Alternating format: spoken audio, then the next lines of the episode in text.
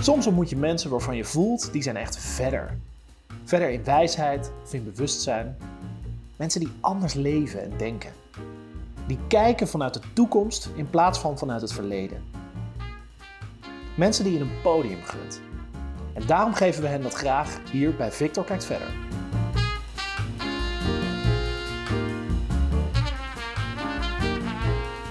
Waar blijft toch dat vrijheidsdividend? Een basisinkomen voor iedere volwassen Nederlander in deze economisch verder zulke spannende tijden.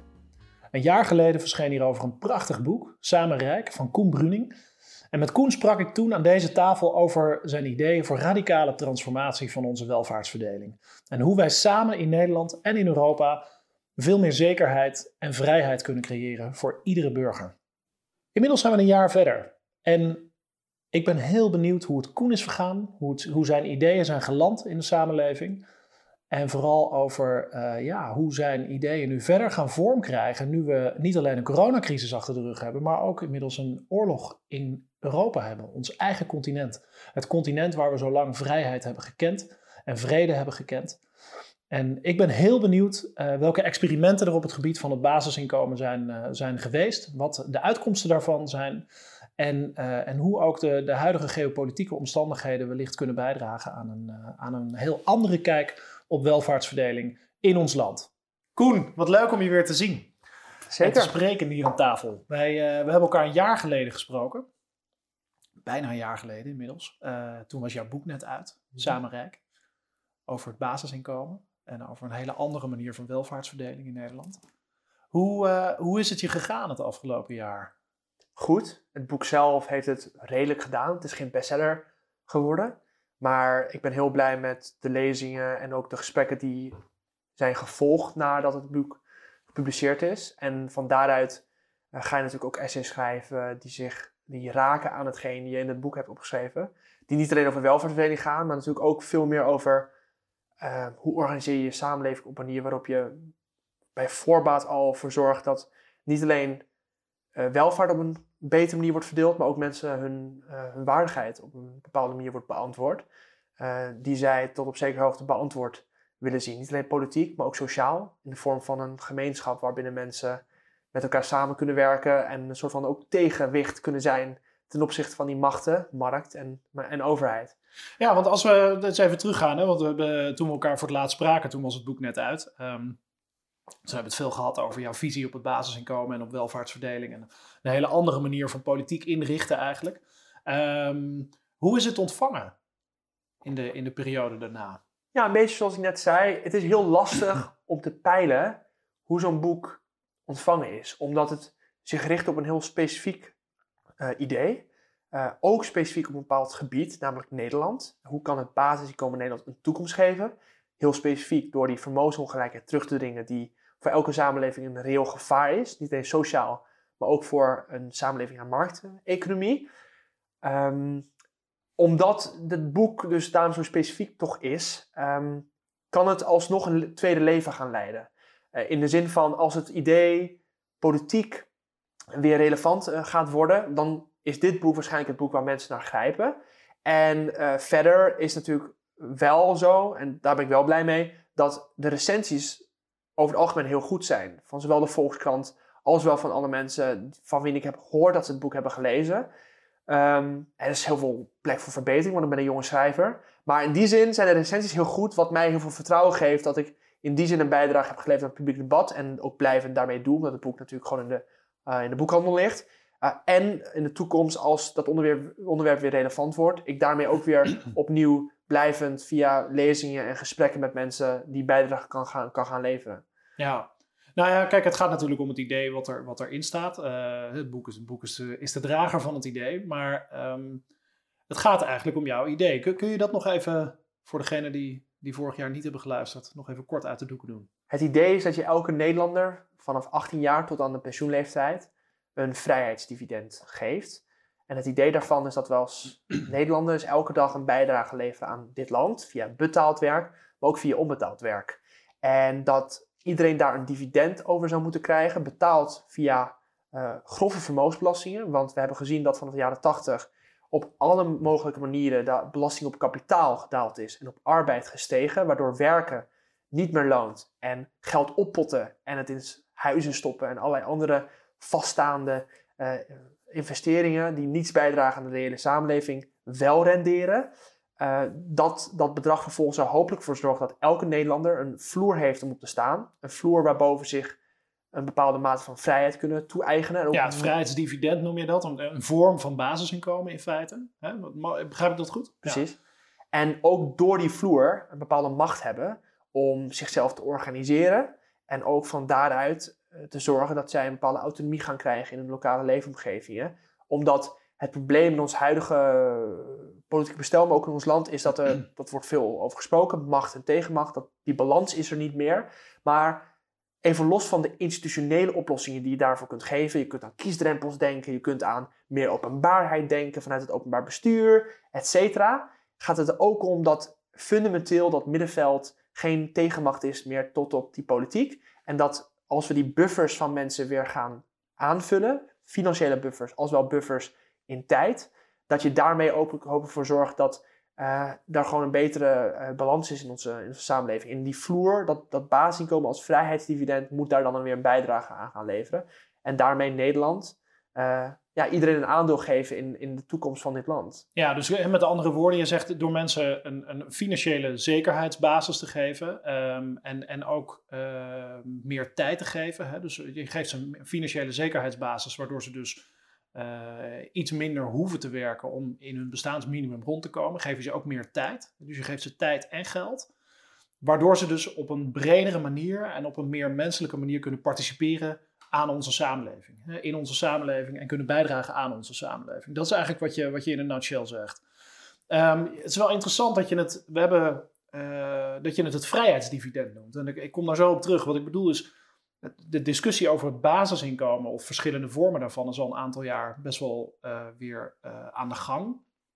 er worden ook allerlei experimenten inmiddels over mee, mee uitgevoerd op verschillende plekken in de wereld. Wil ik het zo meteen ook met je over hebben. Um, maar je noemt het het vrijheidsdividend. We zien eigenlijk dat de, de coronacrisis heeft, heeft niet echt bijgedragen aan een wezenlijke discussie, verbetering, denk ik, over het basisinkomen. Of de, de geesten zijn er niet meer rijp van geworden, per se. Um, misschien bij sommigen in de samenleving, maar nog niet heel breed. Denk je dat nu, we, nu onze vrijheid ook onder druk begint te staan, um, door de oorlog in Oekraïne en de spanningen tussen Oost en West in de wereld, en, uh, Denk je dat dat, dat, dat een bijdrage kan leveren aan een, aan een veranderende perceptie van het concept als een basisinkomen? Laat ik eerst beginnen bij de hele periode en daarmee kort samenvatten die periode corona en ook hoe er vervolgens naar het basisinkomen is gekeken. Ja. Want in, de, in deze zin eh, moeten we ook breder kijken naar wat, wat is ideeënvorming in de politiek en wat, wat zijn de rol van ideeën in, in de samenleving. Want in ieders hoofd uh, denk ik naar, de corona, uh, naar corona. En tot op zekere hoogte leven daar toch nog, nog steeds mee. En wie weet wat er nog in de toekomst uh, kan komen. En ook de vraag die dat weer opwerpt, of dat nu dit virus is of een ander virus. Denk ik dat heel veel mensen wel een andere perceptie hebben gekregen op de economie. op wat belangrijk is. Dat kan, en dat zien we nu heel erg op bijvoorbeeld gebied, om het even klein te maken, toerisme in Amsterdam. We zouden dat helemaal anders gaan doen. We zouden daar heel erg anders naar gaan kijken. En het lijkt niet zo te zijn. Tegelijkertijd zijn er wel heel veel mensen die een ander blik daar toch op hebben gekregen. En dat het anders kan. Ze hebben letterlijk met hun eigen ogen gezien dat heel veel sectoren opeens stilgezet worden. Ze hebben met hun eigen ogen gezien dat de overheid in één keer besloot heel veel lonen te gaan betalen. Omdat heel veel bedrijven dat niet meer konden doen, omdat er een lockdown was. Dus dat zijn een soort van puntjes en, en, en, en opvattingen die een beetje verschoven zijn tijdens die periode. En dat is natuurlijk ook op basisinkomen daarmee gebeurd omdat het basiskomen voor een bepaalde filosofie, een bepaald denkbeeld staat op hoe we onze samenleving organiseren. En als we het dan hebben over het feit hoe heeft corona. Um, uh, heeft het, corona lijkt inderdaad niet het, de voorstanders ervan te hebben, hebben, hebben doen stijgen. Dat is toch maar een vraag. Het, eh, wat weten we eigenlijk pas op het moment dat het weer gepolitiseerd wordt? Oftewel dat het weer politiek relevant wordt gemaakt en dat het dus inderdaad in de politiek bepleit gaat worden op een manier, bijvoorbeeld door het een vrijheidsdividend te noemen. Je kunt het ook een burgerdividend noemen. Politiek in die zin gaat heel erg om enerzijds hoe politici hun ideeën uitventen en hoe zij die aan de man brengen. En aan de andere kant ook de verschuivende voorkeuren bij, bij, bij kiezers. Dus, ehm, en dan hebben we natuurlijk tot slot dan die oorlog, die heel veel vragen opnieuw opwerpt over niet alleen geopolitiek, dat moeten we weer heel belangrijk gaan vinden, maar nog veel kleiner over wat voor keuzes maken we wanneer heel veel mensen in zekere zin politiek geweld wordt aangedaan, wanneer zij hun buffers nog meer zien slinken dan ze al hebben gezien slinken tijdens die coronacrisis. En eigenlijk ook daardoor een bepaalde ofwel radicalisering kunnen gaan doormaken, ofwel een verlamming en vervreemding met de politiek kunnen gaan ontwikkelen. En daardoor dat er een soort van wederzijdse terugtrekking, ons, uh, of een, ja, niet wederzijdse terugtrekking, maar een soort van um, proces ontstaat met aan de ene kant een politiek die steeds radicaler wordt, en aan de andere kant heel veel mensen die zich totaal niet meer deel zien van die uh, politiek. Nou, als, we, als we nu eens kijken naar die, uh, je zei net terecht van, hè, uh, we kunnen eigenlijk pas zien hoe het denken over het basisinkomen veranderd is als het weer politiek gemaakt wordt. Dat wil zeggen, als het weer ter tafel gebracht wordt, als de discussie er ook over in de politiek weer echt, echt gevoerd gaat worden. Zijn er momenteel partijen in Nederland, om daar eens mee te beginnen, die het basisinkomen überhaupt op de agenda willen, willen zetten? In het verkiezingsprogramma en in hun, uh, in hun woorden zou je zeggen van wel. Alleen. Welke zijn dat? In nou, naar mijn mening heb je een Volt die er wel in een verkiezingsprogramma echt over hebben uitgesproken experimenten te willen doen. Ik zelf zeg in mijn boek, we zijn de periode van experimenten echt reeds voorbij. Omdat we overal in de wereld, ook met wat meer grootschalige experimenten zien, dat het geven van geld werkt. Notabene het CPB heeft recent nog, ja. heeft recent nog met uh, een onderzoek laten zien dat wanneer mensen vrijgesteld worden van die verplichtingen die tegenwoordig aan de bijstand hingen, ze opeens ook meer betaald werk gingen doen, of wel meer onbetaald werk. Ja. En dan heb je ook nog een paar andere partijen die er ook in het verkiezingsprogramma... Welke zijn dat? Dus na, ja, daar heb je naast Volt heb je inderdaad ook nog Partij van Dieren en ook GroenLinks die er uh, ook veel over spreekt. En ook vanuit, waarin je ziet dat er vanuit leden heel veel beweging is om op congressen moties in te dienen. Dat er een bepaald soort van streven wordt gesteld van we willen binnen een aantal jaar uh, het gaan in gaan voeren of ervoor gaan pleiten. Ja. Nou ja, aan het eind van de dag is de politiek heel erg uh, chaotisch op zekere hoogte. Het verandert heel snel.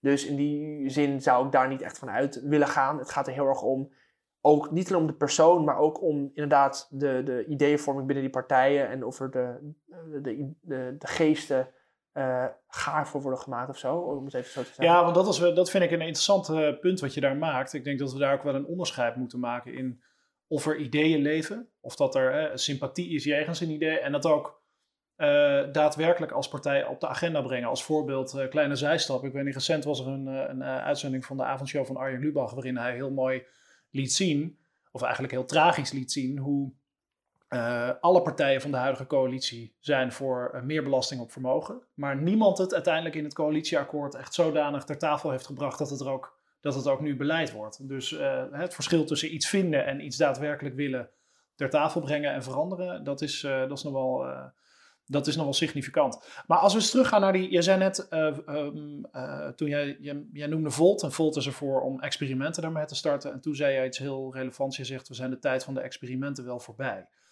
Um, hoe, waarom denk je dat?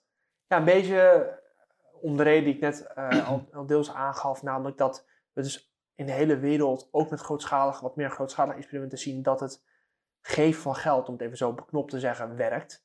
En dat ook die experimenten zijn al uitgevoerd. Die zijn al uitgevoerd, maar ook de wat meer op, op deelelementen uitgevoerde experimenten, zoals die van het CPB, waarin we zien dat als je mensen tot op zekere hoogte vrijstelt van die verplichtingen die aan de bijstand uh, steeds meer vast zijn gaan hangen, onder druk van bezuinigingen, dat, en ook wantrouwen naar de burger, dat mensen inderdaad meer zijn gaan werken. Uh, vanuit de CPB gezien is dat dan betaald werk. Nou, dat is dan hoe je dit naar de VVD'er zou moeten brengen.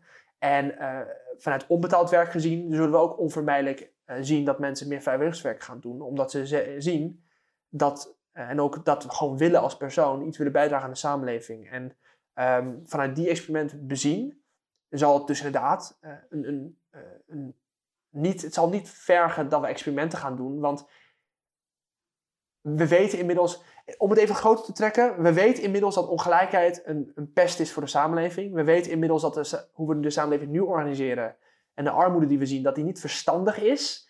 En nog steeds zien we inderdaad dat wanneer vermogensbelasting worden gepleit in de verkiezingsprogramma's door allerlei uh, redenen, door politiek gekonkel of in ieder geval door belangengroepen achter de schermen, dat die vermogensbelastingen niet worden geïntroduceerd.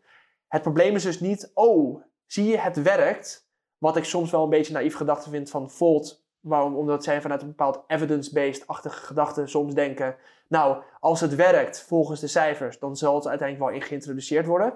Het gaat ook gewoon om politieke strijd. En daarmee ook om wil jij er echt voor pleiten in het publieke debat? Wil jij continu opnieuw vanuit de gedachtegang die het basiskomen kent in de Tweede Kamer daarvoor pleiten en ook als je campagne gaat voeren? Dat is waar politiek om draait. Het gaat er niet om dat jij straks in de media kan zeggen: hey, kijk, het werkt. En dat opeens iedereen om is. Want als dat zo zou zijn, zouden we nu al lang en breed vermogensbelasting hebben geïntroduceerd, allerlei andere ideeën.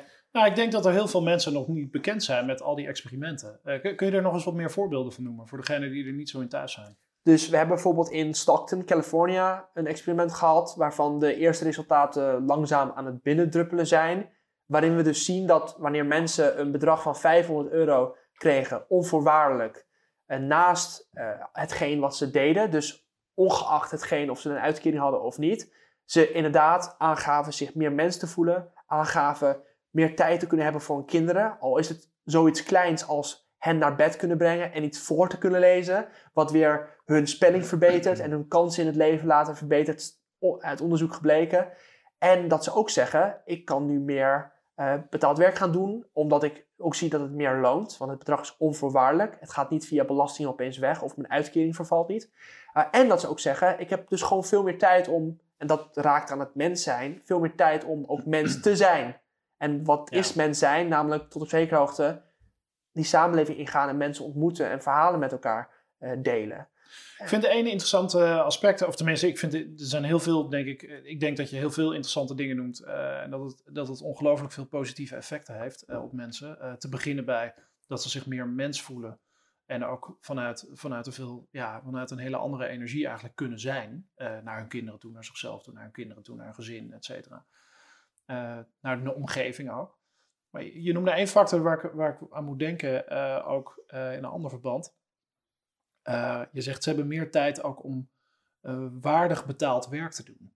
Ehm, en dan moet ik denken aan een trend die je in Amerika nu veel ziet, dat is de Great Resignation, waarin heel veel mensen het zat zijn om betaald werk te doen, wat zo onderbetaald wordt eigenlijk, zo weinig betaald wordt, dat het voor hen eigenlijk nauwelijks loont om te werken. Um, dat ze, heel, dat, ze, dat ze al hun uren die ze kunnen werken, werken en dat ze alsnog niet rond kunnen komen. Zie je daar ook in uh, misschien een trend waarin het basisinkomen een oplossing zou kunnen bieden? Uh, jouw boek gaat over Nederland, dit gaat over Amerika. Um, waarin het basisinkomen ook een trend kan kunnen zijn, uh, of een, een, bijdrage zal kunnen leveren aan betere lonen. als je dat dividend invoert en met een vloer om te staan onvoorwaardelijk, dan heb je in de eerste plaats, om het even klein te maken, dat werken ook weer gaat lonen. Want op dit moment, als je bijvoorbeeld een eenverdienersgezin bent en je verdient 22.000 euro bruto in de maand en je gaat een promotie krijgen en je gaat er 11.000 euro op vooruit. 22.000 per maand? Nee, sorry, per jaar. Per pardon, jaar, ja. pardon. Goed dat je hem even verbetert. Je gaat er 11.000 euro bruto per jaar op vooruit. Dan ga je er netto maar 500 euro op vooruit. Want al je toeslagen vallen weg. Even goed geldt dit voor de persoon die in een uitkeringssituatie zit. Wanneer die of hij of zij meer gaat werken, dan zie je vaak dat dus, of eigenlijk altijd, dat ze er nauwelijks iets vooruit gaan, omdat die uitkering wegvalt, ze een beetje meer gaan verdienen, dus marginaal ontzettend belast worden. Om dan terug te ja, komen... dus het loont eigenlijk nauwelijks om te gaan werken. Absoluut. En uh, alleen dat is dus al een argument uh, om, om het in te voeren, vanuit het betaald werkperspectief. Maar dan even om terug te komen op het waardig werk. Zoals ik al zei, het gaat ook om macht. En wat wij en ons, ons altijd is verteld over de economie, is dat daar een vrije markt bestaat. En haar regels die creëren als een soort van onzichtbare hand een soort van optimale positie. En we mogen niet tornen aan die markt, want haar uitkomsten zijn per definitie rechtvaardig en legitiem. Ze zijn logisch, tussen aanhalingstekens. En het moment waarop je dus ziet dat mensen plots uit de arbeidsmarkt stappen, omdat ze zeggen: ik kan niet en ik wil niet voor dit bedrag dit werk doen, vaak werk wat ontzettend waardevol is voor de samenleving, dan komt opeens de aap uit de mouw. Want dan zie je eigenlijk dat heel veel mensen in de media, media die dan ook weer in de handen zijn van veel mensen met heel veel macht en die eh, hun belangen niet gediend zien worden wanneer mensen plots eh, vertrekken en om een hoger loon eisen, zeggen dat ze verwend zijn of dat die mensen gewoon niet zo moeten zeuren. Alleen in werkelijkheid speelt daar dus ook weer macht een, een rol. Die markt is nooit vrij geweest. In die markt speelt macht een rol. En in die zin, en ik hoop dat ik daarmee tot een goede conclusie kom, geef je mensen zo'n dividend, versterk je die macht van de werknemer nog meer, van de burger nog meer, waardoor ze nog meer mogelijkheden hebben om te zeggen: ik wil iets doen wat ik fijn vind, en daarmee vaak ook heel goed is voor de, voor de samenleving. Ja. Ehm, en daarmee zorg je paradoxaal gezien voor een betere marktwerking. Want een markt werkt alleen goed wanneer macht goed verdeeld is, wanneer er geen monopolies zijn, waarin je niet ziet dat kapitaal, de factor kapitaal, op dit moment veel meer macht heeft dan arbeid. Omdat kapitaal over de hele wereld, zonder enige vorm van regulering, zonder, zonder belasting, uh, mag vertrekken uit landen. En daarmee landen onder druk kan zetten om beleid door te voeren wat zij fijn vinden. Terwijl arbeid uh, aan, lokale, aan een lokale plaats geworteld is en niet zomaar kan vertrekken. Want arbeid, dat is gewoon mensen. En mensen die hebben vrienden en die hebben familie en die wonen gewoon in een plek waar zij zich thuis voelen. Die vertrekken niet zomaar naar, uh, naar een ander land omdat ze zeggen, nou, ik vind het hier niet fijn of zo. Dus daar zit een, uh, macht is daar een, goed, om daar goed over na te denken. Ja, terug naar Nederland. We hebben twee jaar corona achter de rug. Je zei net terecht, we zijn er nog niet uit. het is nog maar de vraag of, of de pandemie helemaal over is. Uh, nog even los van de vraag of we de komende jaren niet weer nieuwe pandemieën gaan zien. We zijn anders gaan kijken naar economie. We ervaren collectieve problemen, uh, ervaren ook collectievere, uh, op een meer collectieve manier uitdagingen. Zo'n pandemie raakt ons allemaal. Dat wil zeggen, sommigen worden er wel veel meer door geraakt dan anderen. Um, of de geesten meer rijp zijn geworden voor het basisinkomen door de coronacrisis, dat is nog de vraag. Dat zeg je terecht, dat moet nog blijken. Als we nu een stukje vooruit kijken. We zien de oorlog in Oekraïne vastlopen, um, mogelijkerwijs zelfs escaleren komende week. Zal Poetin weer een nieuwe uh, speech uh, houden. Um, dit gaat nog een hele tijd duren. Denk je dat dat uh, een positief effect zal hebben op de, nou ja, op de, op de geesten, laat maar zeggen, op de ontvankelijkheid voor het basisinkomen of voor een systeemverandering? De komende tijd? Dat zou ik echt totaal niet willen zeggen, omdat ik daarmee zou pretenderen de toekomst te kunnen voorspellen.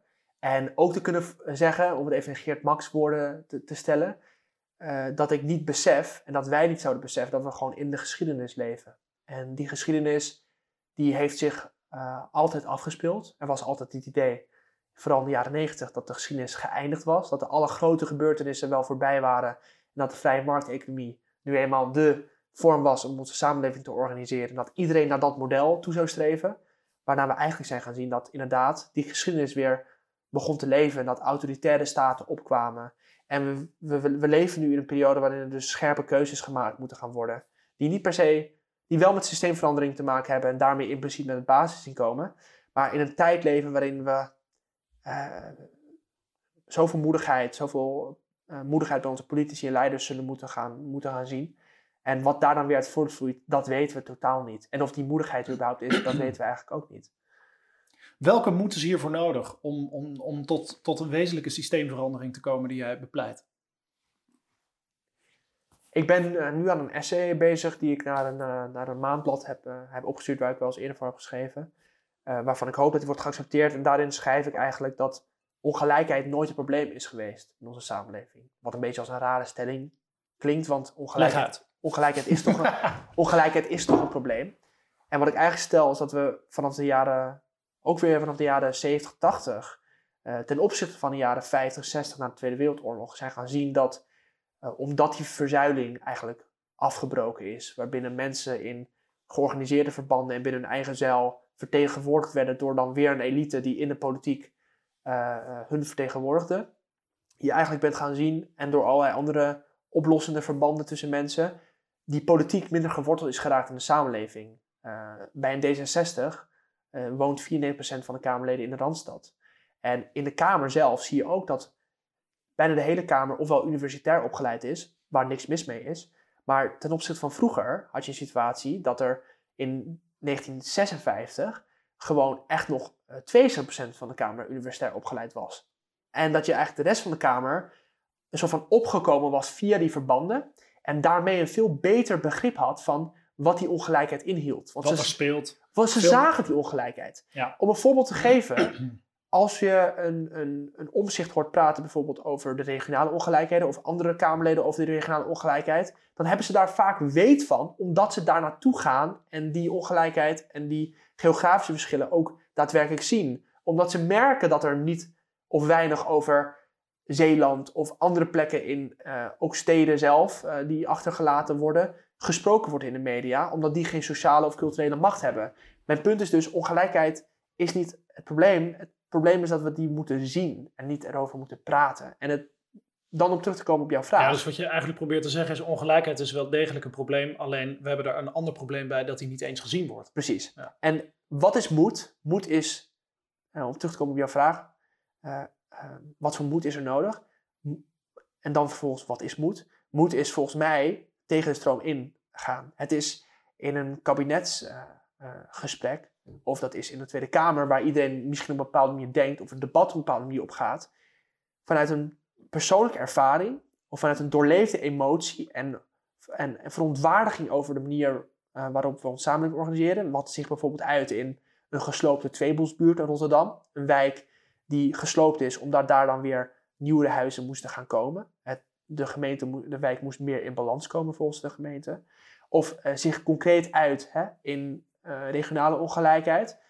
Dan kan jij inderdaad naar voren stappen en de moed vinden, omdat je zo verontwaardigd bent, omdat je zo van jezelf weet, dit is niet goed, dat je de moed hebt om vervolgens eh, de stap te zetten om dat debat een andere, andere kant op te sturen. Of in dat gesprek met het kabinet, of als je aan het onderhandelen bent, te zeggen van, eh, met je vuist op tafel staan van, dit, dit kan niet. Waarom praten we op deze manier over deze eh, problemen? We kijken er vanuit de cijfers naar. We kijken er met een soort van theoretische taal naar. Terwijl dit zijn echte mensen. Maar niet vanuit de mensen daar. Ja, precies. En dat is, dat is moed. En die moed, dat, dat kun je niet.